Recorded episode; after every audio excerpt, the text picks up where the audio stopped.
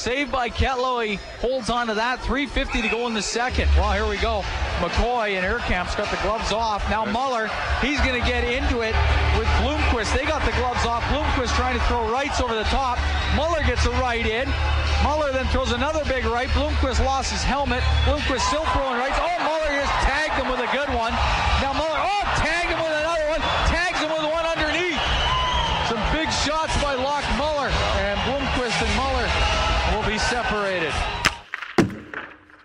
Hej och välkomna till Mjörnbergs Trash Talk.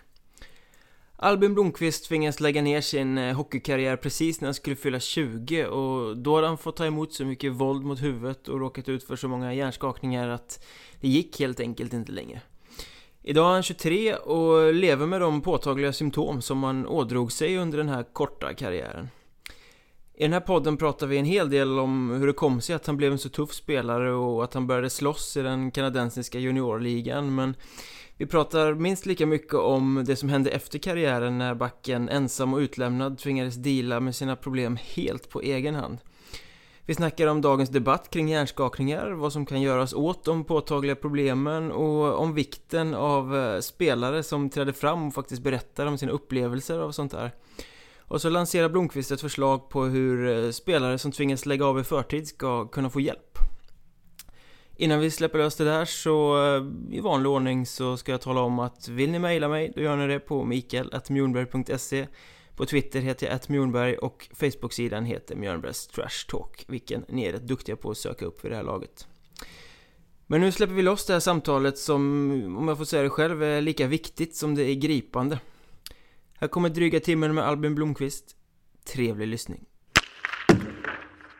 Idag är jag tillbaka i eh, Jönköping, sitter i ett eh, väldigt fint ombonat kök i en eh, väldigt gammal fastighet. Jag har svettats som en gnu när jag har klättrat upp för trapporna här, för någon hiss fanns det inte. Men fint är det och jag befinner mig hemma hos Albin Blomqvist. Hej, tack så mycket. Det är kul att vara här. Ja, ja du bor ju här så ja, att, Det är kul att få delta. Ja, jag hoppas att du trivs här för att det är väldigt fint. Ja, men absolut. Det har varit en eh, strålande övergång till Jönköping ändå, eh, tycker jag. Jättebra lägenhet centralt, så vi trivs, jag och min fru. Ja, hur länge är det ni har bott här? Det är inte särskilt länge. Eh, jag tror det är strax över en halv månad nu. Flyttade hit första augusti, så det börjar ta sig. Ja, då har ni i alla fall fått se de vackra delarna, eller Jönköpings vackra delar, den delen på året när det är som bäst kanske. Precis, sen kommer november, december där och då blir det väl grått. Precis som alla andra delar. Så, ja, då kan man vara var som helst i det här landet. Precis. Eh, du är här för att du är ASS-tränare och eh, fystränare i HC eh, Dalen. Yes. En lite ny roll. Mm, väldigt eh, ny roll. Jag kommer från eh, ett ansvarig för ett hockeygymnasium i Olofström. Eh, där jag även fick köra två månader med A-laget där när vi trillade ur division 1. Eh, och då var jag ju huvudansvarig så det är det jag är van vid. Men eh, det är kul, en ny roll eh, som jag gillar. Eh, när man inte har huvudansvaret utan man får mer pilla med detaljer och sen så gillar jag ju fysträning i sig så det, det funkar jättebra. Du har hittat din plats liksom? Ja, jag tror det. Det känns verkligen som att eh, det här är en bra fit för mig. Fast att vi sitter här idag och kommer snacka handlar ju inte så mycket om en eh, ny eh, tränarkarriär kanske. Vi, du har blivit lite av eh, jag vet inte om man ska säga ansikte, men du har blivit i ropet i debatten om hjärnskakningar. Ja, men det har jag och det tror jag väl jag har velat och vågat säga det jag vill och, och tycker om det. Eh, och det, det uppmärksammar folk och både gillar och ogillar när man gör. Men eh, jag tror det är lite på den vägen. Har folk ogillat eh, att du har varit så öppen som du har varit? Jag tror, många tycker nog att det är bra att jag gör det men går man in och petar i hur folk ansvarar för saker och då, då blir det väl lätt lite ogillat så att säga. Det finns många heliga kor, ömma tår och känsliga områden inom hockeyn. Ja, men det tror jag definitivt att det finns.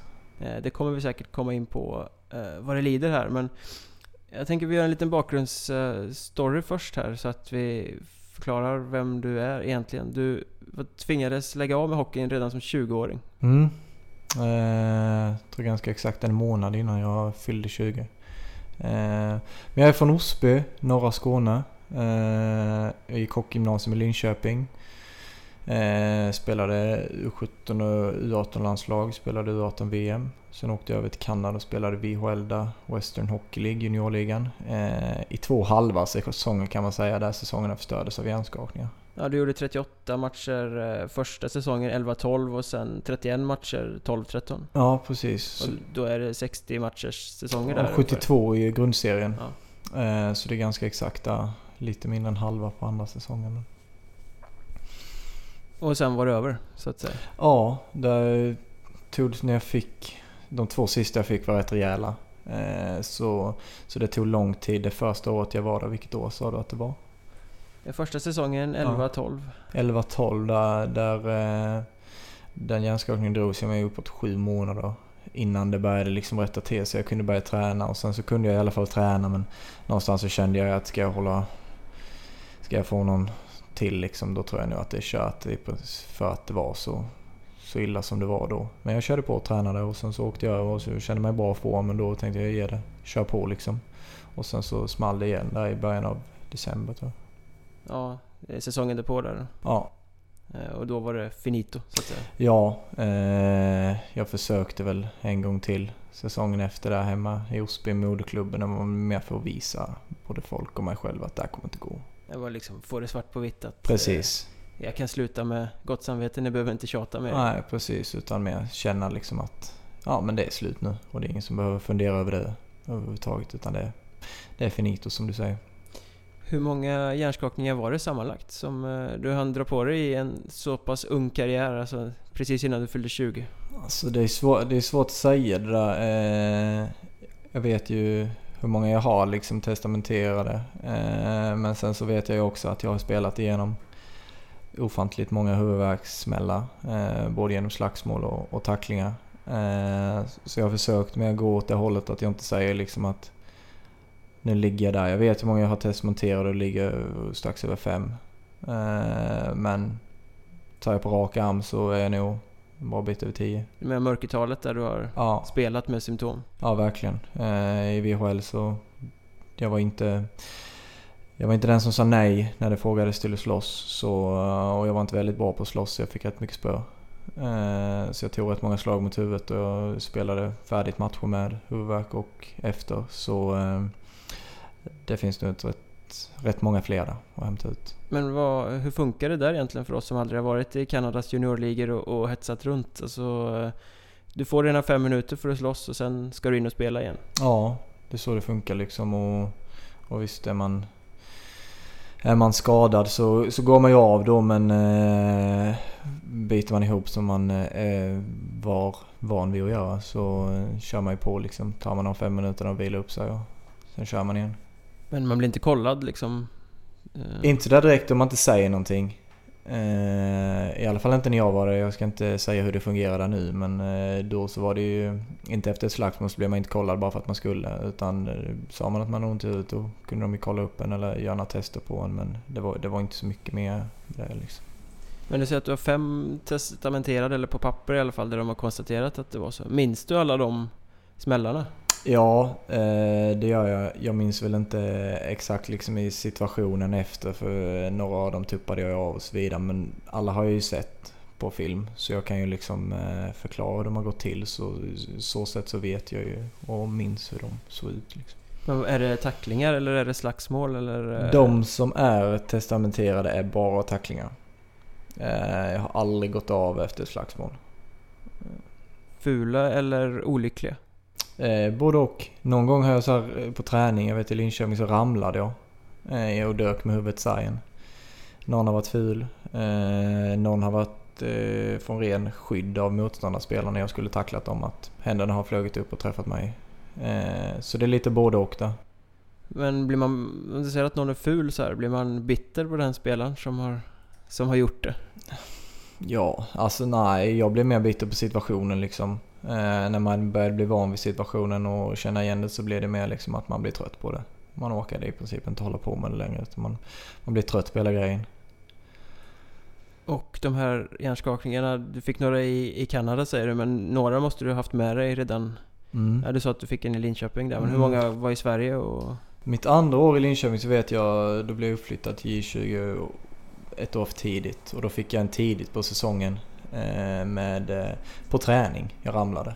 Och sen så eh, fick jag körtelfeber där. Och sen så kom jag tillbaka och så, och så två veckor innan jag skulle spela VM så fick jag en tackling mot Djurgården hemma i Linköping. Och, och då small det rätt duktigt. Då var jag avtuppad och åkte ambulans och, och massa så. Men så spelade jag VM ändå på smärtorna. Jag tog värktabletter av eget, på eget bevåg.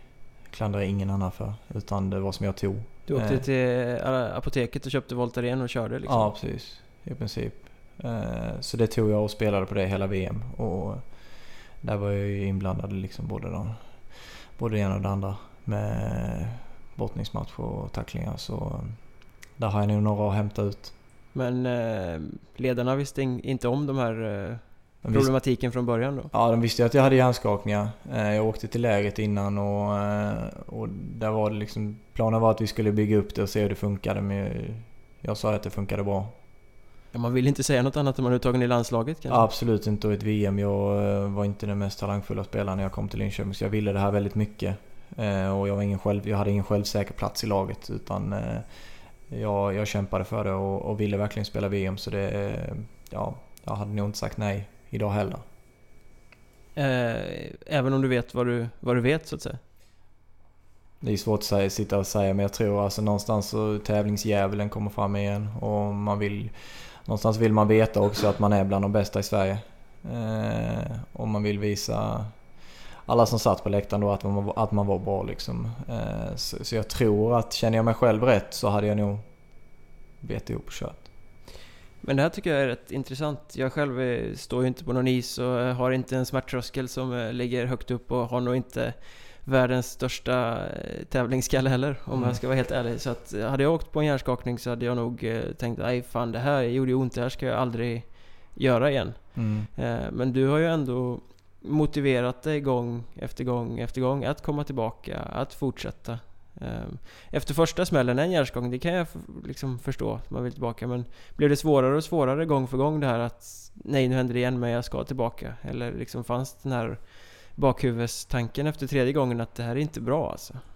Ja, verkligen. Eh, den känslan fanns ju där. Men sen så var det så när jag var i Kanada så jag hoppade jag av skolan eh, i Linköping och, och då kände jag någonstans att vad fan ska jag göra om jag inte ska göra det här?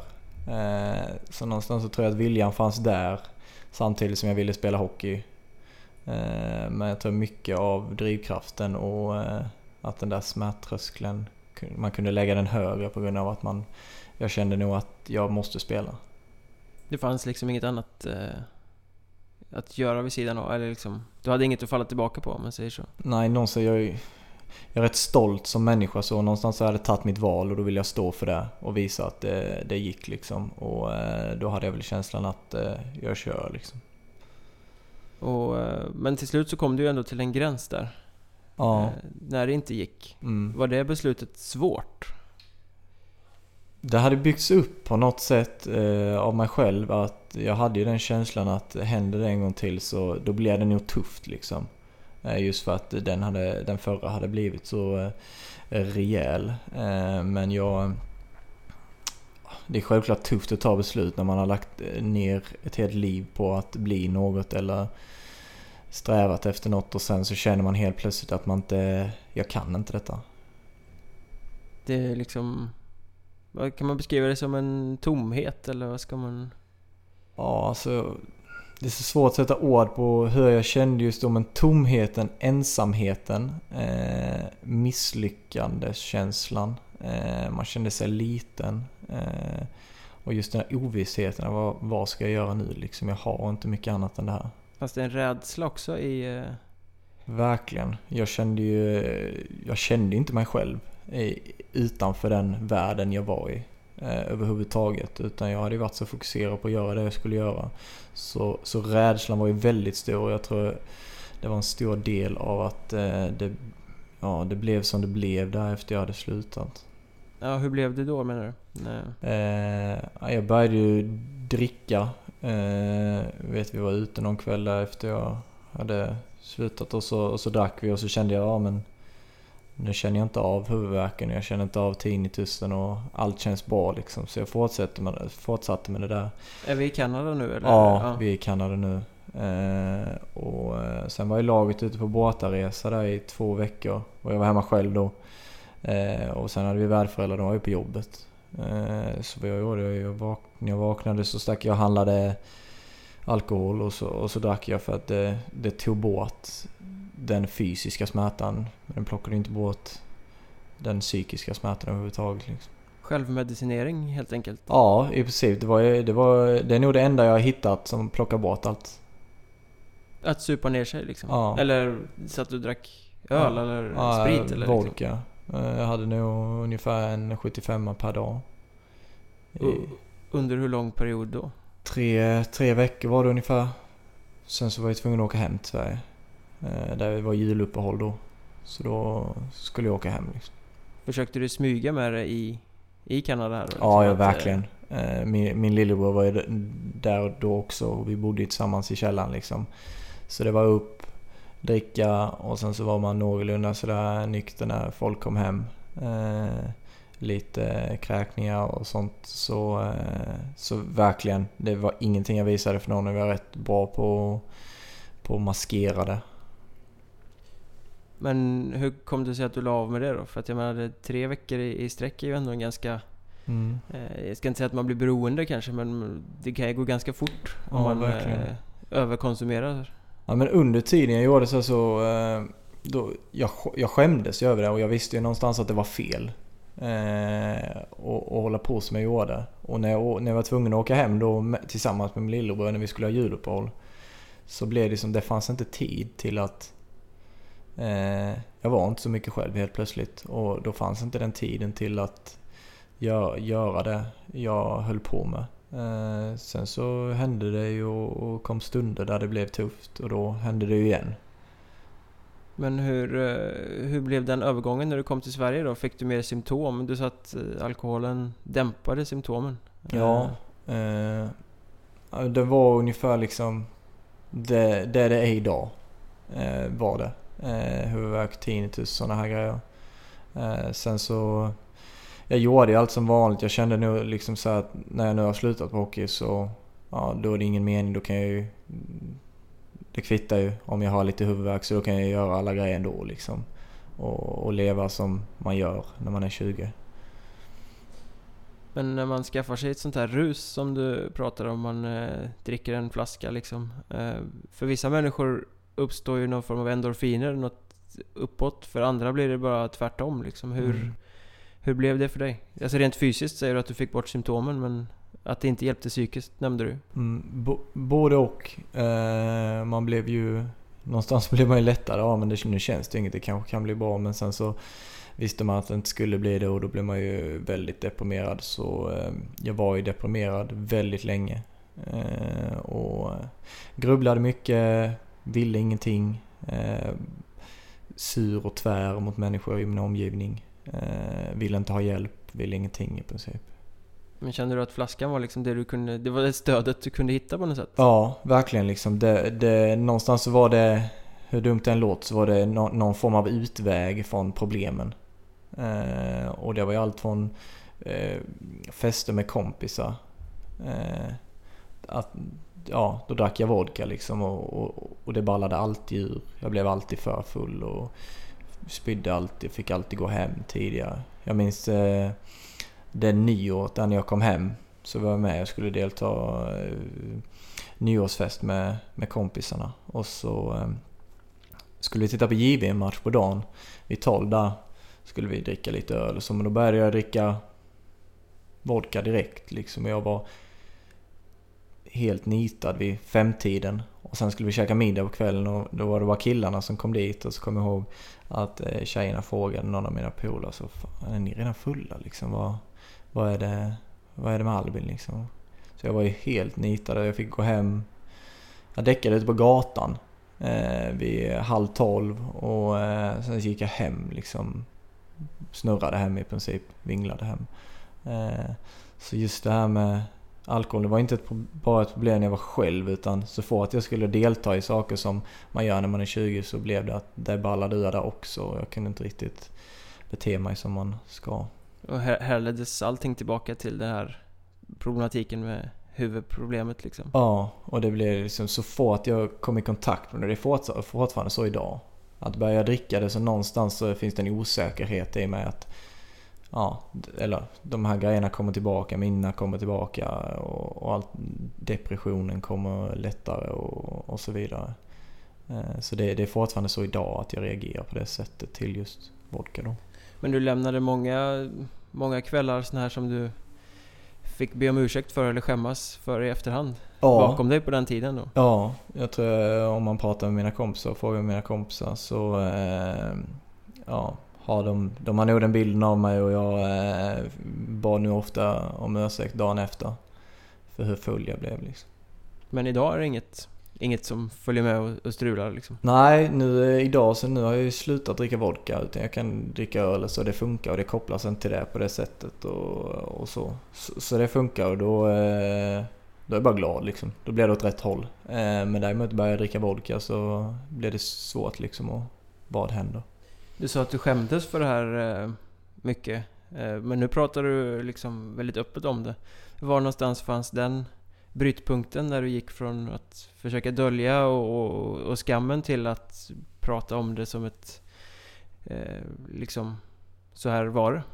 Ja, alltså jag visste ju att det var fel som jag sa innan och att man, man skämdes över det. Men jag började ändå rätt tidigt med att, att säga, jag vet den nyåret där, det sa, där sa jag till mina polare för de tog mig för vad fan håller du på med liksom? Vad är det som händer? Och då, då sa jag, då berättade jag för dem hur, hur det var liksom. Och hur, hur jag känner. Men den riktiga brytpunkten var eh, när jag, jag bara tjafsade om någonting med min storebrorsa. Och jag tror min lillebror var med också eh, inblandad i det. Och så, eh, ja, jag höll på att bryta ihop det och så tjafsade jag och så visade jag, jag hade en vodkaflaska i, eh, i, eh, i nattduksbordet. Så visade han att jag hade den. Och, och då tog han den i mina händer och så sa han att eh, den här löser inte ett jävla skit för dig. Det var sista gången jag såg den liksom. Och det var nog den dagen jag fattade liksom att jag förstör nu inte bara för mig själv här utan jag förstör nu för, för folk i min omgivning. Och där någonstans så förstod jag liksom vad jag håller på med. Och därifrån började du berätta om det också? Ja. Fick du hjälp då eller fick du stöd från omgivningen? Kände du? Med att berätta det? Ja, när, när du väl berättade att liksom... Ja, du fick stöd för att du har problem? Ja, både och liksom. Eh, det, jag tror det är svårt att greppa. Eh, den, bild, den bilden som var av mig eh, var inte riktigt den bilden. Så det är svårt, verkligen svårt att greppa. Det tog lite tid för både familj och vänner liksom att greppa vad, vad det är som försiggick. Du var idrottskillen liksom som ja, var mån om kroppen och... Ja, verkligen. Och det, det, var någonting jag var liksom stor med, speciellt de sista åren jag spelade, liksom att jag åt nyttigt och jag tränade eh, hårt och bra. Och, och sen så gick det över en natt så blev det det det blev. Och jag tror att den vändningen för folk var svår att förstå med. Att eh, ja men det är rätt illa. Men ju mer tiden gick desto mer fattade folk. Liksom. Det låter som att det var svårt att förstå för dig själv också. Ja, verkligen. Alltså att hitta plats i hitta plats i ja, samhället, livet, min värld. Eh, det var i princip som att liksom födas på nytt. Vad ska jag göra nu? Ja, vi fick göra om hela den här eh, identitetssökarprocessen som man gör när man är 12-13, när man går in i tonåren liksom. Precis, ja. Och den delen var det svåraste liksom och den har jag fortfarande idag. Vad, vad ska jag göra liksom? Och, och det, kommer, det kommer att gå i vågor det där fortfarande. Att jag, jag känner liksom, fan, jag är hopplös liksom. Ja, det ska man ju säga också att du är inte lastgammal än. Du är fortfarande bara 23 år. Så att är, majoriteten av livet ligger ju framför. Ja, verkligen. Och, och det får ju påminna mig om med liksom att jag är rätt ung och det, det finns rätt, jag kan vara rida för rätt många stenar innan jag hittar vad, jag, eh, vad min plats är. Eh, men eh, när man ser på kompisar och vänner, de har utbildat sig och, och eh, många av dem har hittat ett jobb, de vet vad de vill.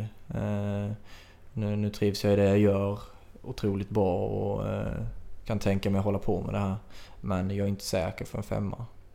Gick du någonting hos eh, psykolog efter det här när du liksom brottades med, med problem både med huvudet och, och hitta en plats i tillvaron och så här? Ja, men det kom till en punkt. Jag vet jag jobbade, jag har testat många jobb och så här, Jag jobbade lite som receptionist och eh, ja, städare över ett gym.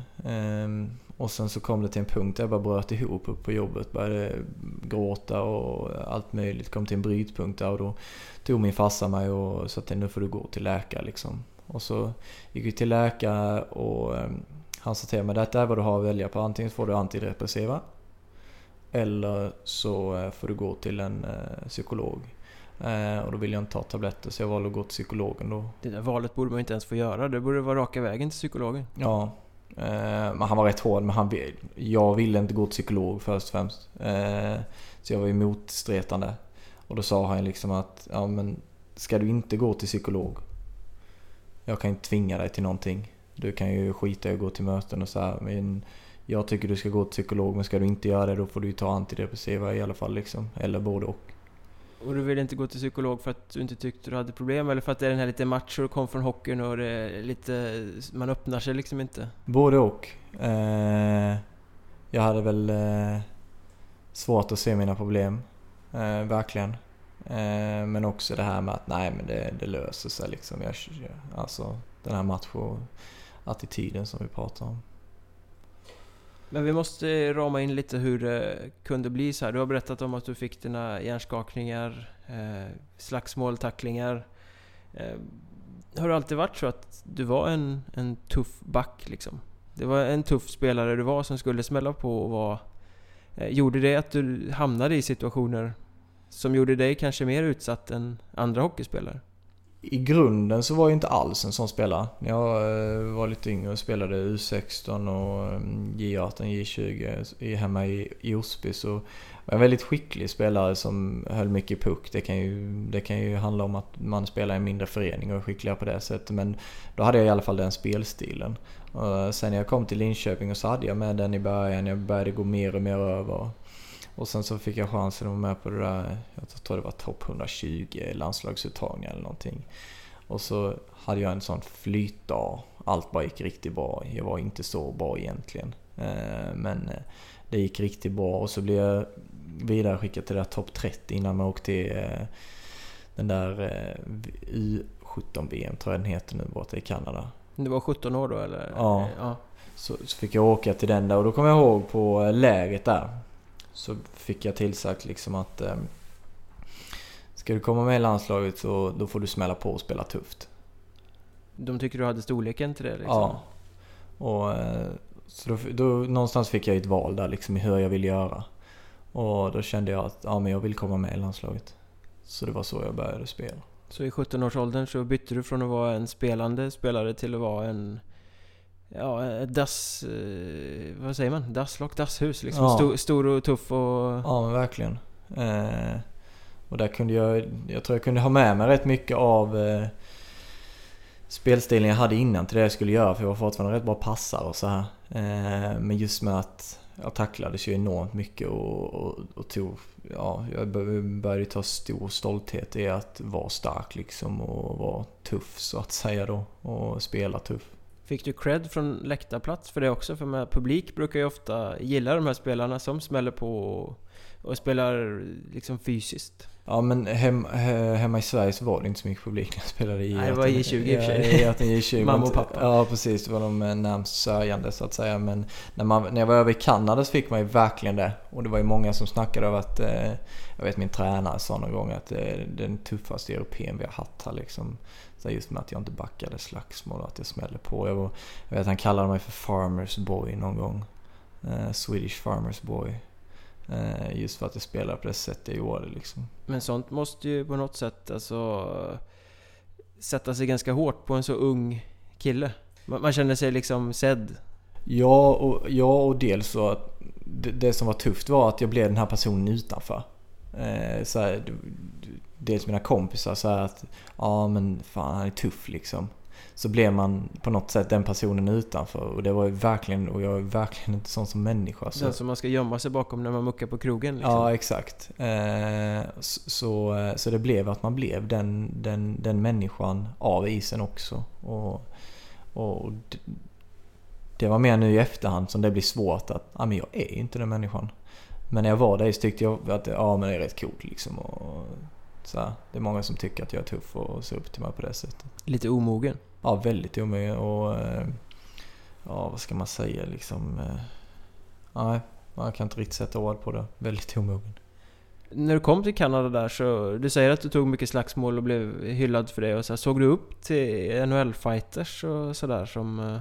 Eh, Ja, men jag började ju titta på speciellt liksom hur de slogs och så. Jag var helt värdelös på att slåss. Så jag verkligen inte åt det hållet. Men jag började ju liksom... Hade du gått ett slagsmål överhuvudtaget innan du kom till Kanada? Ja, något. Eh, men de mer så här brottningsmatcher som vi har. Eh, Vifta lite med händerna ja, och med precis. handskarna på liksom? Ja, precis. Eh, sen så var det första träningsmatchen så mot Calgary Hitman var det. Då åkte jag slagsmål direkt där. Och sen så första eh, ja, seriepremiären då. Där blev jag påhoppad av en fighter. Eh, och, och då fick jag ju rejält med spö liksom. Och där bestämde du dig för att, fan, jag måste nog lära mig det här? Ja, vi tränade ju på det, men jag eh, blev aldrig bra på det. Men var du beredd på att det var den mentaliteten när du kom till Kanada? Ja, verkligen. Det, det var jag. Och eh, jag var beredd. Någonstans var jag beredd på att jag kommer att stå upp för mig själv. Eh, men eh, jag förstod inte riktigt hur bra eh, de är och, och var på det. För de gångerna jag hade gjort någonting som liknade ett slagsmål i Sverige så var det mer en brottningsmatch för då kunde man gå rätt mycket på styrka och var rätt, jag var rätt stark liksom så jag kunde bryta ner folk men där var det ju att veva.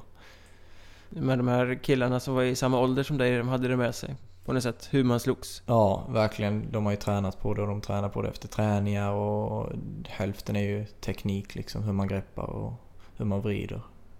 Men vad tänker du när du ser idag då? Menar, många av de här NHL-killarna eh, det finns ju dokumentärer och sånt hur dåligt de mår efter karriären och vissa till och med begått självmord och sådär.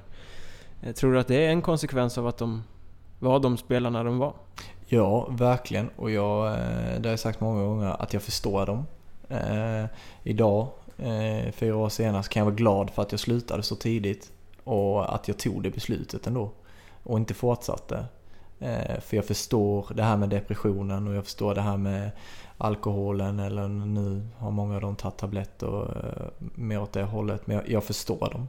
Men du känner igen dig liksom? Ja, verkligen. Jag känner igen det. De, det jag har hört och de berättelserna jag läst och de spelarna som fortfarande lever med eh, problemen. Så, så jag, eh, jag förstår verkligen deras situation. Men är du hungrig på att ta till dig den typen av berättelser? Alltså ser du dokumentärerna, läser du böckerna? Eh, eller försöker du hålla lite avstånd till det? Kan det vara jobbigt till och med? Ja, men det kan vara jobbigt. Men jag vill ändå läsa och, och, och höra och, och se. Jag tycker, det, jag tycker det är intressant och, och framförallt jag har ändå, jag känner verkligen att jag har kommit så långt som jag har gjort med att förstå mina, min egen situation och jag tror att jag kan hjälpa liksom. Eh, för det är inte den första som, jag är inte den första som har hamnat i den här situationen och jag är inte den sista heller. Men vad tänker du när du hör så här folk som uppmanar till att nej men vi ska ha slagsmål, det är en del av sporten. Det är liksom... Alltså just slagsmål så jag tycker... Eh, jag har svårt att... Nej jag tycker det, jag tycker inte riktigt det hör till sporten. Sen så kan det hetta till ibland och, och eh, det blir som det blir. Det kan jag köpa i vissa situationer. Jag är inte den som sitter och säger nej, nej, nej, nej, nej. Utan det kan hetta till och då blir det som det blir. Men i USA, nu har de ju försökt, USA och Kanada, nu har de ju försökt plocka bort det mer och mer. Men det här med stage fighting som fanns då i VHL när jag spelade. Och jag har själv deltagit i någon sån. Det är ju bara det är en parodi, det är bara pinsamt. Ja, du menar när man droppar handskarna efter tekning och bara går där det är uppgjort liksom? Ja, precis. När det, när det är uppgjort. Det kan hetta till. Det är en tuff sport. Man smäller på varandra. Ibland tycker man lite olika. Man, det blir lite gruff och eh, det kan hända liksom. Jag tycker inte det är någonting hockeyn ska sträva efter. Men i vissa situationer någon gång då och då kan det hända och det kan jag tycka är acceptabelt. Men då pratar du mer om stundens hetta än att man uppmanar till det liksom. Ja. Åk in och, och klipp nummer 15 där nu för ja, han nej. är bra liksom. Nej, det tycker jag är liksom pinsamt. Man kan ju åka in och tackla någon schysst liksom rejält så det känns. Så det är tufft att, att möta en. Men eh, när det handlar om att, att plocka någon så tycker jag bara det är rätt löjligt. Känns det något i dig när du ser en fight och du ser någon som får ta mycket stryk mot huvudet eh, utan handskar liksom? Du vet själv att du har varit i situationen, inte varit så bra på att slåss, tagit mycket stryk liksom. Händer det något i huvudet? Alltså, någonstans så jag tror jag blev lite dålig där på det själv om man säger så att jag, någonstans så köper jag det lite också så att, att ja men det finns där och det är där. Det är så det funkar. En, om enkel jag, utväg att tänka så. Ja, även om jag inte tycker det är okej okay, så, så blir det lätt att säga ja men det, ja men det funkar ju så. Vad ska man göra liksom? Han har valt själv att vara där. Nej, så vill jag nog inte tänka för jag vill nog inte tänka på människan bak. Eh, med just ja. situationen i sig. Eh, börjar jag tänka på människan bak, den som gör det eller den som utsätts för det. Då är det en helt annan situation. Ja, då blir det mer deprimerande kanske? Ja, då blir det mer liksom tufft. Och, eh, men just situationen i sig, att det händer. Där tycker jag själv att jag kan vara lite mesig liksom. Ja, men det är en del av det. Men börjar jag tänka på människan som är bakslagen.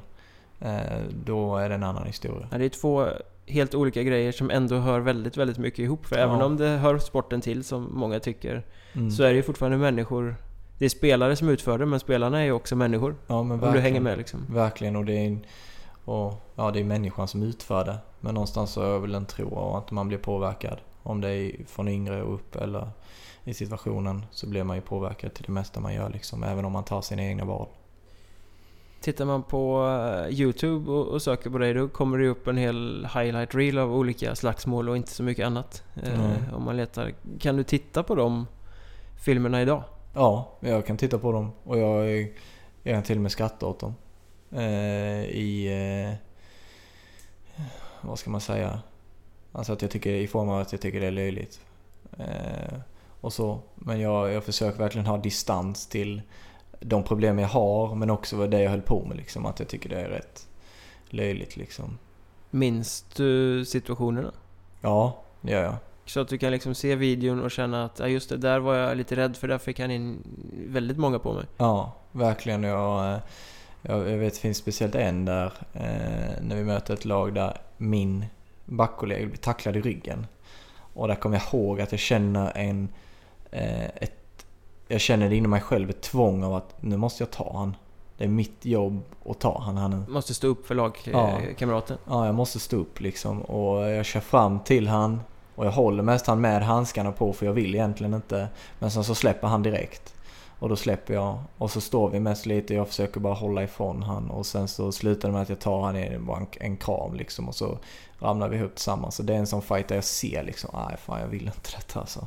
Nej, du visste att han var farlig också? Ja, ja. Jag visste ju att han slogs eh, minimum 20 gånger per säsong liksom, så jag visste ju vad han gick för liksom. Ja, det visste man om spelarna liksom. Ja. Att, eh, här är det mer safe att gå in än mot han där borta ja, liksom. verkligen. Och på något sätt så kom jag ofta in i de där situationerna med de som eh, kunde slåss och var bra på det. Men är det inte ofta så att de som slåss, de slåss med varandra? Jo, verkligen. Det är så inte är det. så att man går och slåss med stjärncentern liksom? Nej, så, och sen är det ju så med att de testar ju en gärna, speciellt när du är europé och du är svensk och eh, så alltså testar de igen eh, till fullo. Men det var så hela tiden under de här två säsongerna i Lethbridge Hurricane som, som laget hette, att du kände att du var tvungen att slåss? Ja, vi hade, vi hade ju de som var bättre än det. Eh, bättre på det än vad jag var. Eh, men någonstans med den spelstilen jag hade så, så finns det ju en... Eh, en eh, ja, nästan ett måste av att man ska stå upp för sig själv och man ska stå upp för sina lagkamrater. Man har den spelstilen. Däremot så hade vi en väldigt bra coach där som sa till mig några gånger att du behöver inte slåss. Speciellt efter jag fått den där första hjärnskakningen där. Och han sa du behöver inte slåss. Men någonstans, in, någonstans inom mig så kände jag liksom att, att jag behövde stå upp för det jag gjorde eh, på isen då. Om man tacklar så måste man vara beredd att slåss också, är det inte ja, så? Jo, verkligen. Alltså jag eh, var ju jag var rätt bra på att sätta in tajmade tacklingar, open ice-tacklingar och då kommer de ju. Ja, men vad händer ifall någon muckar med dig där och du inte slåss? Det, finns den utvägen ens? Att vända ryggen till och åka därifrån? Jo, du kan lägga det liksom. Eh, och du kan ju försöka åka därifrån ibland. När de hoppar på en så då bara börjar de ju veva. Eh, men du, du kan ju lägga dig. Eh, och där tror jag den där macho, machokulturen kommer in lite. Att man lägger sig inte gärna. Och så tror jag det i många fall. Det finns många, vad ska man säga, liksom förutfattade oskrivna regler att så här går det till. Ja. Så här, händer det här då, då ska du göra det här för annars är du inte liksom Nej, verkligen. värd på den här isen. Nej, verkligen. Det är, det är så jag ser det, är en del av det. Eh, eller var en del av det. Men du skulle precis fylla 20 eh, när du tog det här beslutet att nu, nu funkar det inte längre. Jag är, huvudet har tagit för mycket stryk. Det är tre år sedan ungefär. Mm. Om vi blickar tillbaka nu. Idag är du 23. Eh, hur fungerar livet idag? Med, med de här symptomen som du ådrog dig under den väldigt korta hockeykarriären? Eh, all, allt det som det var. Eh, bara att jag har lärt mig att hantera eh, olika situationer och... Så allt är likadant eh, Ja. som för tre år sedan? Ja, som med huvudvärk och, och tinnitus och, eh, och, och sådana grejer. Det är vad det var. Eh, sen så eh, har jag lärt mig liksom vad jag behöver göra för att hålla det där det är. Och då funkar det och det funkar bra. Och jag har ett bra liv. Eh, men svävar jag iväg och eh, eh, gör andra saker och inte håller det i schack så att säga. Då eh, blir det jobbigare att ha att göra med. Kan man säga att det är någon form av hjärnskada du har? Eller? Ja, jag var förra sommaren, nej, för, nej förra sommaren, då var jag inlagd i två veckor nere i Hör på Orupssjukhuset. De har så hjärnspecialistteam, hjärnskador då. Och eh, jag har ju fått diagnosen eh, lindrig kognitiv störning. Till följd av smällar inom hockeyn. Ja. Så det är vad jag har och det har jag på pappa hemma liksom. Vad innebär lindrig kognitiv störning? Det är ett luddigt Mm. sjukdoms... Eller Ja. eh, vårdbegrepp kan man säga. Mm, eh, I min värld så eh, det handlar om de symptom jag har, det är enklare att ta dem. Så jag, jag har huvudvärk, eh, en molande huvudvärk som bara ligger där. Det är ingen som dunkar, inget som, alltså så, den, den ligger där. Jag har en tinnitus, det piper i örat. Eh, jag har eh, lite koncentrationssvårigheter. Jag har Ja, alltså jag tappar lätt bort mig i situationer om det är mycket. Om jag har mycket att hålla koll på. Många intryck från olika håll. Ja, ljud, ljus, eh, sådana där grejer. Då tappar jag lätt bort mig. Jag vet inte riktigt var jag ska titta. Eh, då kan det också vara väldigt svårt eh, att föra ett samtal om du och jag skulle sitta här och prata och det är folk som springer runt omkring mig. Så vet jag inte om jag ska titta på dig eller vad jag ska riktigt bli av någonstans och då tappar jag vad jag ska säga och helt plötsligt så är det svart. När det blir liksom bara eh, kollaps i hjärnan på något sätt. Ja. Alltså, alla intryck tar ut varandra så Ja. att du kan inte foka på någonting. Ja, jag tror den sa det läkaren jag var inlagd där att det gärna gör att den stänger ner. För den vill inte vara med om det. Eh, Så då stänger den ner på det liksom. Eh, Och det är saker som jag kan hantera själv och jag kan hålla det där det är. Men ibland så försätts man ju i situationer där man inte kan reglera på situationen. Men alla de här symptomen, har de kommit efterhand under karriären eller liksom, hade du huvudvärk först och sen efter tredje hjärnskakningen så kom tinnitusen också? Eller liksom kom allt som ett paket på Ja. samma gång? Ja men de första hjärnskakningarna så var det, då var det mer bara huvudvärk. Och lite så att man var, var lite snurrig och kände sig trött, mental trötthet sådär eh, efter. Men sen så har ju det här, speciellt efter sista nu, eh, det här med att jag tappar ord, jag, när det är mycket så är det svårt att föra mig i en situation just med att jag vet inte riktigt vad jag ska säga och det händer lätt att jag blir tyst liksom. Och eh, minnet och, och så här, det är lite svårt liksom i vardagen att eh, hantera så att säga. Och har du tinnitus så är du lite ljudkänslig också. Mm, ja, så, eh, och, det, och det är tufft liksom. Eh, det är svårt och det är väldigt svårt i den världen jag lever i nu som tränare. Ja, Jag tänkte precis ställa den frågan. Det låter ju liksom, har man koncentrationssvårigheter, problem med ljud, stänger ner ifall det blir många intryck på samma gång. Hur Mm. Funkar det överhuvudtaget att stå i ett hockeybås då? För det är svårt att tänka mig en stökigare miljö där det, och det händer saker hela tiden från olika håll. Det skriks på läktaren, det är grejer på isen, det är folk som kommer in och byter, motståndarna försöker psyka. Jag menar, det måste ju vara eh, falling down moment nästan Ja, ibland där. ja, och någonstans, det har ju folk frågat mig innan. Varför gör du det? Det, ju, det kan inte passa liksom. Men, men någonstans så har jag sagt till mig att jag vill inte, jag vill inte liksom ta bort saker från livet. Jag vill leva. Och då är jag mer för att hitta lösningar än att ta bort saker. Så vad jag gör då i när, man, när vi har till exempel match, det spelas hög volym i omklädningsrummet. Antingen så stänger jag dörren in till ledarrummet där det inte hörs.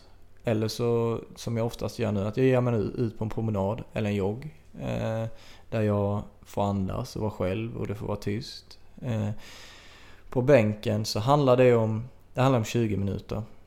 Vilket jag blir trött av. Jag är mentalt trött efter en match, väldigt mentalt trött. Men jag kan köra den tiden som är där. Och så länge jag får vila efter matchen. Jag brukar sitta i bilen när jag kör med inga ljud alls och bara ta det lugnt. Eh, och så ibland brukar jag sitta i bilen utan att köra och bara andas. Och kan jag bara få göra det efter matchen så är det inte så jobbigt. Men det händer inte att du får brain freeze under matchen då? Om coachar backar eller jag vet inte vad du gör men, men eh, att det liksom blir för mycket så att du bara står och inte gör något?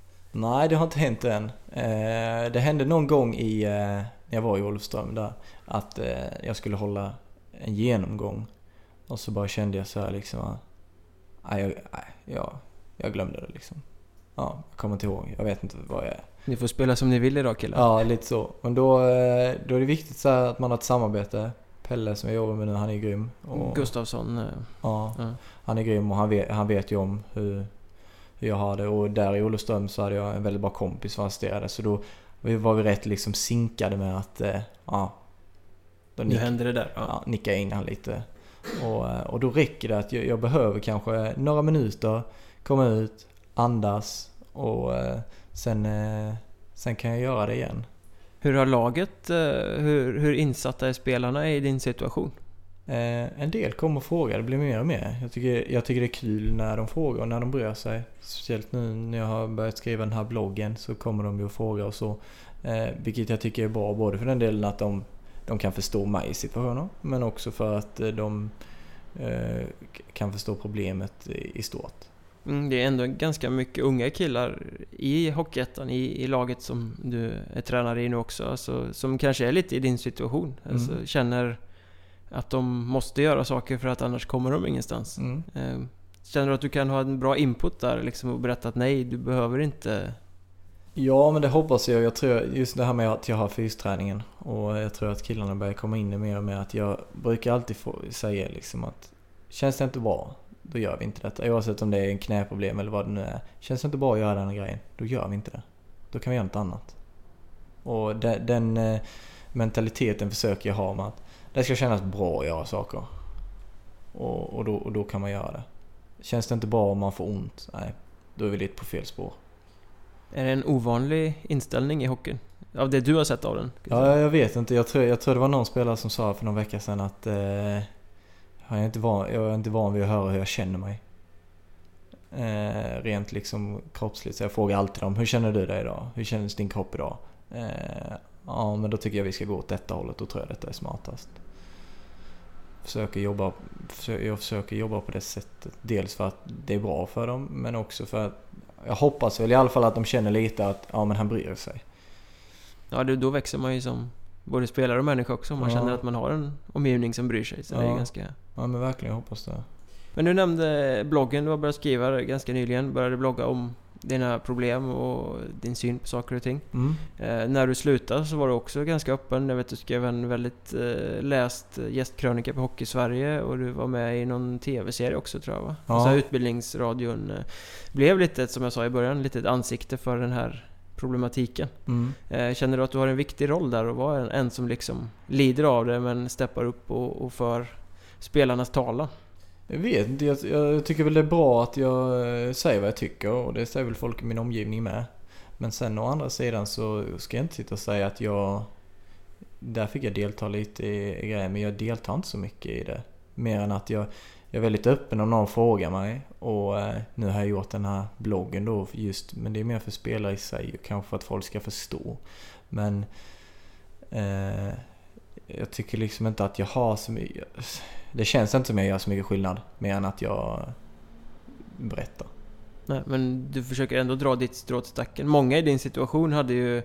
Nej, det är jobbigt det här. Och så slutit sig och, inte velat öppet berätta om eller vara ute och ta ställning i frågor så att säga. Mm. Nej men och det, det är någonting jag verkligen vill liksom. Och eh, det har ju varit min... Eh, två år tillbaka så är det egentligen det jag vill att liksom göra och det är väl kanske därför jag håller på med det jag gör. Att jag vill ändå ha lite koll på hur spelare mår och så vidare. Men det är egentligen det jag vill att göra. Jag har, varit, jag har gjort någon föreläsning med hur det är liksom och, och lite så här och, och det och sånt tycker jag är intressant och där känner, jag, där känner jag själv att jag gör någon skillnad när jag kan få förklara. Du känner att du har något att ge liksom? Ja, och det, det gör jag verkligen. Och dels det här med alltså, hur det är att vara hockeyspelare och komma från det jag gör. Eh, men också bara i ren depression. Och att det faktiskt kan vara så. Och alkoholproblem och... Ja men lite så här skamliga känslor som ja. folk garanterat har men inte gärna pratar om. Ja men verkligen. Eh, och där, där känner jag att jag har i och där skulle jag verkligen vilja ge mycket liksom. Och det är väl en del med att jag har startat bloggen. Att, dels för mig själv, att jag kan skriva av mig lite och det är rätt skönt. Men, men också för att de, de får som kanske läser det då liksom får ut någonting av det och kanske får en större bild av hur det verkligen är. En annan som har varit ute och pratat, eller är ute och pratar mycket medialt om hjärnskakningar, problemet är ju Sanny Lindström, eh, sen han la av. Eh, hur mycket betyder han, tycker du, för frågan? Jo, men eh, jag tycker han är en sån som, han har verkligen, eh, han gör, jag tycker han gör väldigt mycket skillnad. Eh, dels har han en bra position till att göra det och, och många lyssnar på honom. Sen så var han väldigt högt och bra hockeyspelare liksom. Eh, så, folk lyssnar på honom? Ja, så folk lyssnar på honom och då tycker jag det är väldigt bra att han, han tar det han har där och verkligen liksom gör något bra det. Så han tycker jag, jag tycker han är stor i denna frågan och viktig. Det behövs den typen av karaktärer kanske som... Ja, verkligen. Eh, jag kan ju... Jag har ju en liten känsla liksom att jag, jag kan ju berätta och, och säga hur jag har känt och vad jag tycker och, och, och tänker så. Men sen är jag inte så stor så att säga. Nej, du vann inte SM-guld och, och sådär liksom. Och, eh, Känd för gemene man om man säger nej, så. Och då, och då tror jag rösten gör, den tyngden gör lite mer skillnad hos en sån som Sanny. Tycker du att eh, debatten om hjärnskakningar har, sen du slutade fram till idag, att den har blivit bättre? Att den, har det skett någon, liksom, någon progression? Jag, jag, jag har väl en känsla av att eh, man försöker göra mycket och man gör mycket. Och just det här med jag har lite svårt för det här när man pratar om hur många hjärnskakningar det är. För i min värld så finns det, det finns en gråzon. Det är saker som händer. Det bara händer. Kan man inte säga att antingen så har man problem eller så har man inte problem? Ja. Det är enklare att prata så än om ja, fem eller tio. Det kanske inte spelar så stor roll nej. beroende på vad man har för symptom ändå. Ja, verkligen. Och sen så tänker jag just så här med att man ska få bort hjärnskakningar från hockey. Där det, finns en, det finns en gråzon där saker händer och det bara blir som det blir. Och sen så finns det rena överfall. Överfallen kan man plocka bort och det tycker jag att eh, Svenska ishockeyförbundet, SHL, det försöker de ändå göra. De jobbar på det. Eh, det jag tycker är viktigare att lägga tyngd på det är hur spelarna mår och vad kan man göra där. Vad kan man göra där? Eh, jag, nu har jag sökt runt lite och jag har funderat länge på, jag skulle vilja i min värld i min drömvärld så skulle det bäst vara om det fanns ett säkerhetsnät. Där det fanns en specialistgrupp. Där spelare som blir skadade kan, eller de är skyldiga att kontakta den här gruppen. Gruppen ser till så de får kontakt med psykologer, läkare, sjukgymnaster, rehabgrejer, vad det nu är, försäkringar. Får hjälp med allt det de gör. För som i mitt fall så var det det jag tyckte var det jobbigaste. Jag fick inte mycket till hjälp överhuvudtaget med att hitta rätt vart jag skulle utan fick dra det här lasset själv. Nej, du hade ingen aning? Verkligen. Och, eller verkligen inte. Och jag tror att sluta karriär, det kommer hända. Men jag tycker det, det viktiga är att samla upp spelarna där. Visst, man kan plocka bort en del av det här med hjärnskakningarna och, och det är verkligen bra och det tycker jag man ska göra.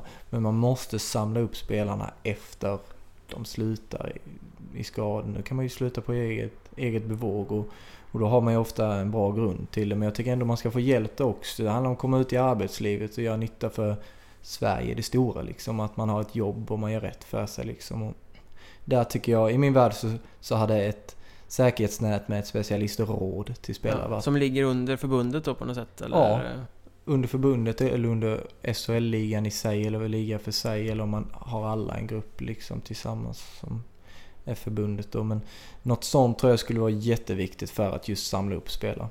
Ja, för ska man vara krass så som det funkar idag så du står väldigt mycket på egna ben. Jaha, ja. du fick sluta, du blev idrottsinvalid. Eh, hej då, nu är du inte en del av vår sport längre. Verkligen. Och, eh, och där, där är det svårt. Jag, jag har ju väldigt som jag säger, koncentrationssvårigheter när det är mycket och så här, och jag har fått ta i allt det här själv med eh, försäkringar och sånt. Jag har inte fått ut en, en spänn än. Eh, efter fyra år. Kommer du få det då tror du? Ja det hoppas jag. Jag sitter och drar i det. Eh, nu har jag, håller jag på att få ut journalerna från Linköping. Eh, sen blev skadad där, det var för sex år sedan. Eh, så jag, jag får sitta i det här och dra med det själv och hade jag inte haft min fru Stephanie så hade jag inte gjort det.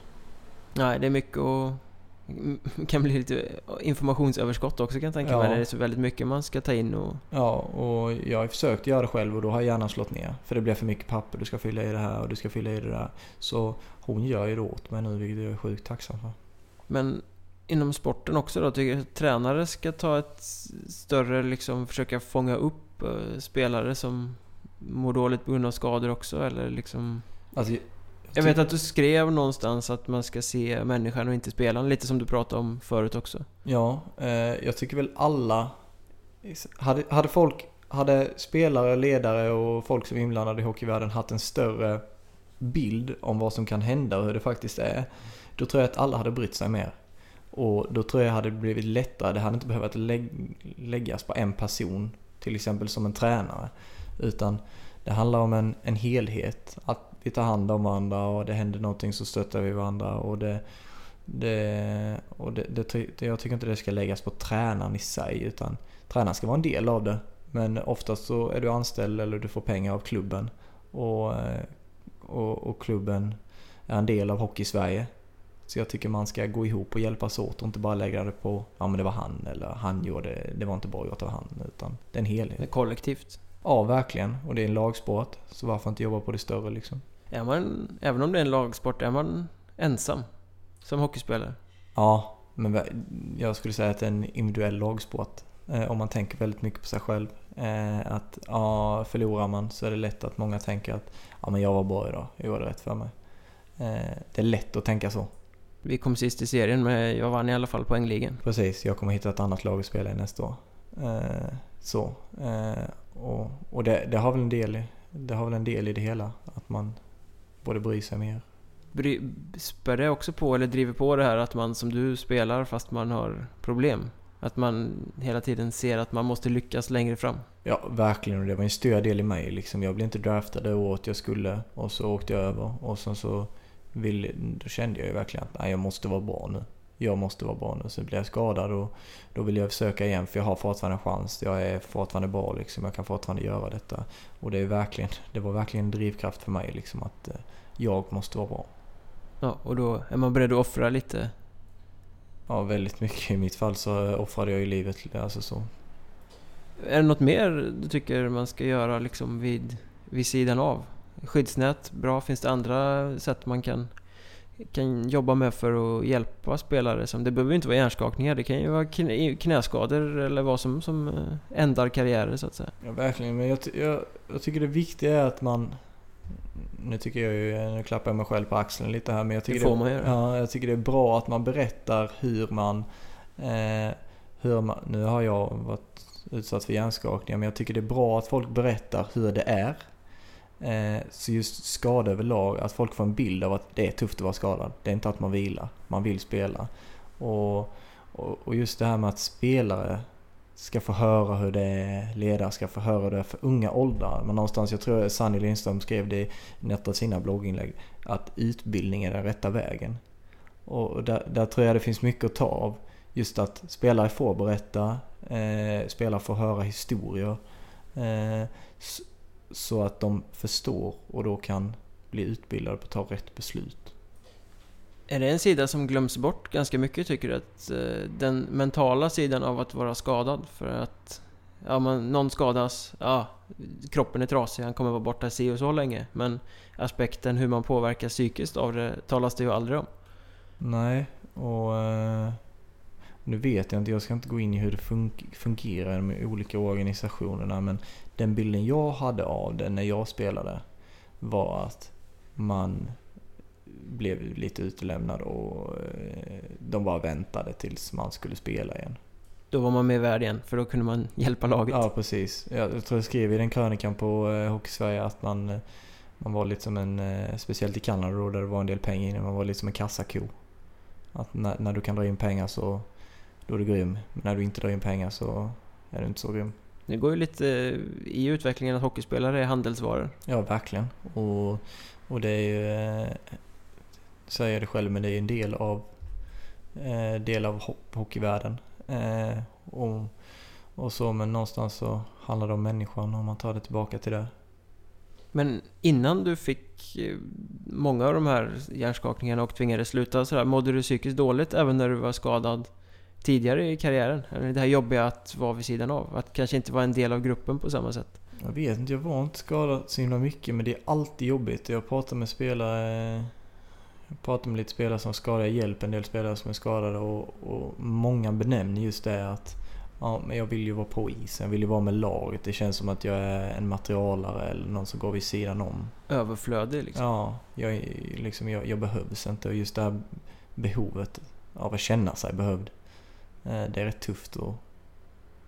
Ja, då är vi tillbaka i det där med ensamhet igen. Ja. Att man liksom blir, hamnar lite vid sidan av. Ja, Trots att det är ett lag. Ja. Och, och, det, och det händer ju lätt. Jag menar, blir någon skadad så är det någon som får ta hans plats.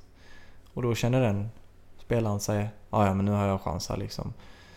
Eh, Den enes bröd, den andras... eh, Nej, den enes död, den andras bröd, vad brukar man säga? Ja. Och, och det är lite så det funkar, men någonstans så ta tillbaka det igen till det är människor. Även om du får en chans nu, bry dig. Lite så, tänker jag. Mm. Mer medmänsklighet i hockeyn helt enkelt. Ja, det är nog, eh, det, det är nog en sak jag verkligen skulle vilja lyfta. Men om vi rent praktiskt eh, tittar på det då. Eh, du fick ju beskriva här innan att du fick lite huvudsmällar via slagsmål och en del via tacklingar. Vissa fula, vissa mindre fula. Men rent generellt om man tittar de senaste åren så har ju den här debatten blossat upp väldigt om tacklingar, om huvudtacklingar, om hjärnskakningar. Mm. Eh, du som kan hockey och tittar på det från sidan om, så här, vad, vad är problemet för hockeyn idag? Varför har det eskalerat och blivit så här mycket smällar? Och vad måste man göra för att ta bort dem? Utan, utan att låta tja- tjatig så tror, jag, så tror jag det handlar om respekt och förståelse. Det är den stora grejen, tror jag. Eh, för jag tycker det, det är en stor debatt, men det blir lite pajkastning med att det var en ful tackling och så får man inte göra. Och, ja, men han gjorde det fult där och, och så att tränare tycker lätt med sina egna spelare att det var Ja. fult där. Eh, och det blir lätt pajkastning. Jag tycker mer debatten ska gå åt att eh, utbilda, låta spelare och ledare förstå hur det kan bli. För förstår man så vill man nog inte utsätta någon annan för det. Det tror jag inte någon vill. Nej, och, och då också det här att tränare ska inte fördöma något som en motståndare gör men försvara samma handling om det är ens egen spelare. Ja, verkligen. Och eh, ja, det är någonting jag jobbade mycket med mig själv. Men också mina spelare när jag var i Olofström med att när vi spelar i det här laget så spelar vi så här. Och man är inte ute efter att skada någon. Och gör man det så får man inte spela de här matcherna. Eh, Man är fortfarande med i laget som vanligt men man lär sig att sköta, hålla sin kropp i styr på rätt sätt på isen. Liksom. Och ta konsekvenser av sina handlingar Ja, också. verkligen. Eh, nu ha, eh, jag hatar ordet värdegrund för jag tycker det är så extremt urvattnat och används till höger och vänster utan att det betyder ett skit. Liksom. Ja. Men om, om man tänker i den typen av termer, liksom, tänker du då utbildning i klubbarna, just det här med respekt och sådär? Att man ska börja på låg nivå tidigt och pränta in saker i huvudet på spelarna? Ja men verkligen. Och jag, jag tror att eh, dels jag tycker man kunde börjat med tacklingar lite tidigare. Jag vet inte var det ligger någonstans i 13-årsåldern eller något sånt. Ja, det är för sent i alla fall. Ja, alltså att dels med att utbilda dem hur man tacklas. Men också liksom att det är inte schysst. Du tacklar en människa. Eh, det gör ont. Eh, och inte bara fysiskt. Utan det ska göra lite ont fysiskt när man blir tacklad. Liksom. Om, till. om man blir tacklad schysst. Men eh, eh, just det här med att man ska förstå att du kan faktiskt skada någon. Eh, och då ska du nog tänka till innan du sätter, hoppar in i en tackling eller vad du nu gör. Liksom. Var 100% på att du kommer kunna sätta den så som du tänker att du ska sätta den. Ja, exakt. För det handlar ju om att separera puck från spelare. Eh, det handlar inte om att skada. Är svenska spelare dåliga på att tackla? Ja, men det tycker jag nog ändå. När jag var, när jag, när jag var över så det var ju otroligt mycket mer tacklingar. Men procentuellt så tror jag inte det är fler hjärnskakningar I Kanada? än vad det är här. Procentuellt. Ofta så... Jag är inte rätt man att uttala mig om det eftersom jag inte kan det fullt ut. Men det blir mycket snack om det här. Det, mottagarens har lika stort ansvar som tacklaren och sådär liksom. Mm. Eh, handlar det också om utbildning då? Alltså att tackla och att ta emot tackling och lite respekt inkastat i mitten där. På ja, sätt. men verkligen liksom. Och eh, det är ju en stor del av debatten. Eh, det handlar ju om att försätta sig i rätt situationer liksom. Man, jag tycker inte det är så fair att ställa sig med ryggen mot när man vet att det kommer någon. För även om han inte kommer tackla dig så kan han snubbla. Och han kan stöta till dig och så dyker du in i sargen. Ja, du menar att folk utsätter sig för farliga situationer i onödan? Ja, jag tror det. Och eh, jag såg någon tackling förra säsongen. Jag vet inte vilka lag det var som möttes men han, han, han skulle trampa in pucken och han hade huvudet jättelångt ner liksom och tittade på pucken. Han skulle trampa in i offensiv zon. Och så, den var rätt schysst tackling men träffade i huvudet. Den träffade i huvudet. Eh, det är axel i huvudet. Men hade han haft huvudet uppe så hade det inte hänt. Och lite där med utbildningen kommer vi in där att när du har pucken så är du, då får du bli tacklad. Och då är det kanske smart att vara beredd på allting och ställa dig i schyssta situationer, alltså i, i bra positioner så du inte blir tacklad fult. Mm, och där måste man lära sig det också då? Ja. Lika mycket som man måste lära sig att smälla på schysst? Absolut, och jag tror allting grundar sig i förståelse och respekt. Är hockeyn fulare idag än för några år sedan när du spelade? I Sverige då? Jag vet inte. Eh, svårt att... Eh, jag var rätt ful själv. Så, så, jag ska väl inte uttala mig sådär mycket. Nej men jag tycker det är rätt mycket så småtrams. Eh, rent ut sagt. Alltså så att man slashar och eh, beter sig på ett annat sätt. Eh, det tyckte jag ändå var bra när jag var i Kanada. Att det var det rejält liksom. Att det var inget, det var inget fult. Nej, inte efter slängar och sådär eller? Nej, inte på det sättet liksom. I, I, Sverige så... Där tycker jag ändå det här med att man kan bli påhoppad. Eh, jag gillar inte det men någonstans är man ju lite rädd för det så man kanske beter sig eh, lite på ett annat sätt. Du känner inte runt och är någon clown. För du vet att eh, ja, men ska jag hålla på och bete mig så här så kan det hända någonting. Jag menar om man läser eh, rubrikerna så som det ser ut nu senaste säsongen och som det säkert kommer bli den här säsongen också så det är så mycket kaos och kris och överfallsrubriker så att man skulle kunna tänka sig att det är en helt annan sport nu än vad det var bara för fem år sedan. Ja men verkligen, det är för att det har blivit en debatt och sen så tycker jag det är lite pajkastning. Det, det tycker jag verkligen med den delen, just att de blossar upp det och, och pratar om just tacklingarna i sig. Det kommer hända och vi ska ju prata om tacklingarna i sig och de ska ses över och det ska av, det bli avstängningar och så vidare men börja i rätt ände. Och det är med utbildning för förståelse. Ja, alltså... Eh, debatten handlar om fem minuter hit eller dit snarare än, mm. än eh, det strukturella. Hur spelar vi hockey egentligen? Ja. Tycker du att det ska vara hårdare straff? Uh, jag vet inte. Gör man rätt för sig, ger dem bra utbildning. Så tycker jag gott man kan sätta hårdare straff. Men gör man inte rätt för sig och ger inte spelarna den rätta förståelsen.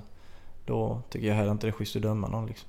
Men det är ju ett ganska långt arbete eh, om man pratar utbildning. Det, påbörjar man ett sånt arbete idag till exempel så kan det ju dröja tio år innan det är helt i sin fulla blom om man ska börja med ungdomsspelare långt ner så att de får rätt värderingar med sig genom systemet upp. Ja, verkligen. Men börjar man och tar alla och man utbildar ledare och de sen för det vidare.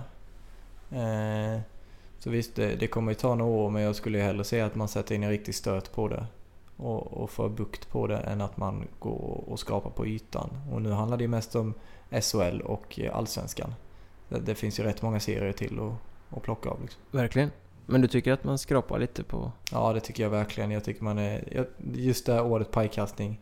Just med att eh, ja, det var ful tackling där, överfall och, och så vidare. Ja, jo det kanske det var, men var börjar vi någonstans? Börjar vi med avstängningarna? Eller var börjar vi? Men vad krävs för att det ska bli mer än eh, smörkniven i övre delen av paketet då? Alltså, no, det krävs ju något, något stort för att det ser ju ungefär likadant ut år efter år. Det är inte så... Debatten har blivit bättre. Men det är just debatten, det är inte så att Nej, det, det kanske leder till något konkret sen. Nej, Nej men där tror jag... Nu vet jag, SHL, de har väl haft någon utbildning för spelare och ledare nu. Eh, med, eh, med hur, situationer på hur man ska tacklas och så vidare. Eh, och det är bra, men man måste ju gå neråt där. Eh, och inte bara i hur man tacklas utan helheten. Vad kan hända? Eh, vad gör du med människan bak? Och, och så vidare. Och så här ska du tackla, så här ska du ta emot en tackling. Och... Men då krävs det ju nästan fler som du som eh, kliver fram och berättar hur det kan vara. Ja, och det tror jag verkligen. Och nu utan att säga att jag ska vara den personen. Eh, för det behöver det verkligen inte vara. Men nu är det ju det. Ja, nu är det ju det. Eh, och, då, och då tycker jag verkligen att eh, man ska ta upp det och ta ut det så att säga och visa det. Eh, och jag har inga problem med att ta mina journaler. Här, läs. Så här är det. Jag kan berätta varenda liten eh, hörna av hur jag mår eh, och vad jag gör. Avskräckande exempel. Lär dig så bra du bara kan. Ta emot och tackla och respekt och allting. Annars kan det gå så här. Ja, det, jag, jag tror att det är en, det är en rätt bra väg för det eh, att ta. Men då, då behövs det ju spelare eller nu, spelare som spelar nu och spelare som har spelat som kliver fram och eh, vill och, och vågar säga det. Jag förstår om man inte vill, om man inte vågar. Men, Nej, det är eh, fullt förståeligt. Ja, men eh, det kan vara bra för helheten och i det långa loppet. Du har själv bröder som fortfarande spelar på, Mm. på väldigt hög nivå. Kan man Mm. säga. Du är inte orolig för deras hälsa? Jo, verkligen. Eh, verkligen. Sen så tränar jag, fystränar jag dem på sommarna. Så jag kan hjälpa dem lite med att eh, stärka upp eh, muskulatur som, eh, som de behöver för att kunna ta tacklingar på ett bättre sätt. Men tar den i huvudet så tar den i huvudet. Då kan du vara hur stark som helst. Verkligen. Eh, men jag, är- ja, men som, som fråga, ja, jag är orolig för dem. Absolut. Precis som jag är orolig för mina spelare i laget som spelar och andra spelare. Men eh, självklart så finns det en lite större känsla där. Kan du fullt ut vara glad och- och uppåt när de spelar eller sitter du med en oro på läktaren? Nej, men jag, jag tycker ändå det har blivit rätt bra. Jag litar på dem. Eh, I hur de... Eh, I vad som händer ute på isen. Att de, de har den här förståelsen. Eh, tror jag min, min storebror som spelar i, i Panton. Han eh, är ju en rätt tuff spelare i sig. Och rätt Går i släkten? Ja, och vi är in, kanske inte så omtyckt. Eh, och han har några tacklingar som kanske är på väg att att bli något dumt. Eh, och det kanske blir dumt i vissa situationer men jag vet att han kör alltid fram efter och frågar hur det var och jag ser på honom att han tänker att han vill inte tackla i situationen. Men han har också förståelsen och han har också sett det på nära håll. Tror du att deras eh, approach till det hela, deras inställning till hockeyn har påverkats av ditt öde och att det blev som det blev för dig? Eller har, har din liksom story påverkat dem? Ja, verkligen och det säger de också. Eh, och de... Eh, alltså just det här med att de tar lättare på hockeyn. Och eh, livet utanför betyder mer för dem. Eh, just den biten liksom att livet handlar inte bara om hockey. Det är roligt och, och, och det, det är bra liksom för de kan tjäna pengar på det men livet är det viktiga och det är där du ska må bra. Och, eh, och sen spela hockey kul, det är en sport. Och, och det, det är en karriärsmöjlighet. Men just det här att de, de ser mer på livet som det är och tycker det är värdefullt nu än vad det var då. Livet utanför, hur mycket bättre är livet utanför för dig idag kontra vad du trodde att det skulle vara för tre år sedan när du satt på ett eh, pojkrum i Kanada och drack vodka? Eh, det är rätt mycket bättre nu. Eh, men jag har lång väg att gå och jag vill gå lång väg och jag vill utvecklas och jag vill göra grejer. Eh, men det är väldigt mycket bättre. Jag har fortfarande dippar som tar mig till mörka ställen. Eh, vissa perioder. Men eh, det är väldigt mycket bättre. Och jag har ett bra liv som fungerar bra och eh, som jag är stolt över att ha klarat mig ur den här biten liksom. Och att jag faktiskt lever ett liv som fungerar. Det låter fantastiskt bra för att vara i den situationen som det var. Vi kan väl inte göra så mycket annat än att hoppas att det kommer fortsätta på rätt väg och att det kommer bara bli bättre och bättre. Men symptomen kommer du få leva med resten av livet. finns ingen som kan säga. Eh, Det kan bli bättre, det kan hålla sig där det är, det kan bli sämre. Eh, Och jag försöker ta dag för dag och inte tänka på vad det kan bli utan för vad det är. Vet du om du kan påverka det? Eh, Genom din livsstil eller så menar jag? Ja, men jag känner väl någonstans att genom att göra rätt saker och eh, kontrollera situationer så blossar det ju inte upp och jag tänker ju, ju färre gånger det blossar upp desto mindre triggas det liksom. Då får du ha väldigt mycket lycka till i, i eh, fortsättningen och hoppas att det går åt rätt håll och inte åt fel håll som vi säger. Ja, tack så jättemycket. Tack så mycket för att jag fick delta. Det var Ja, kul. fantastiskt kul att du ville vara med och berätta om det här. Ja, tack själv.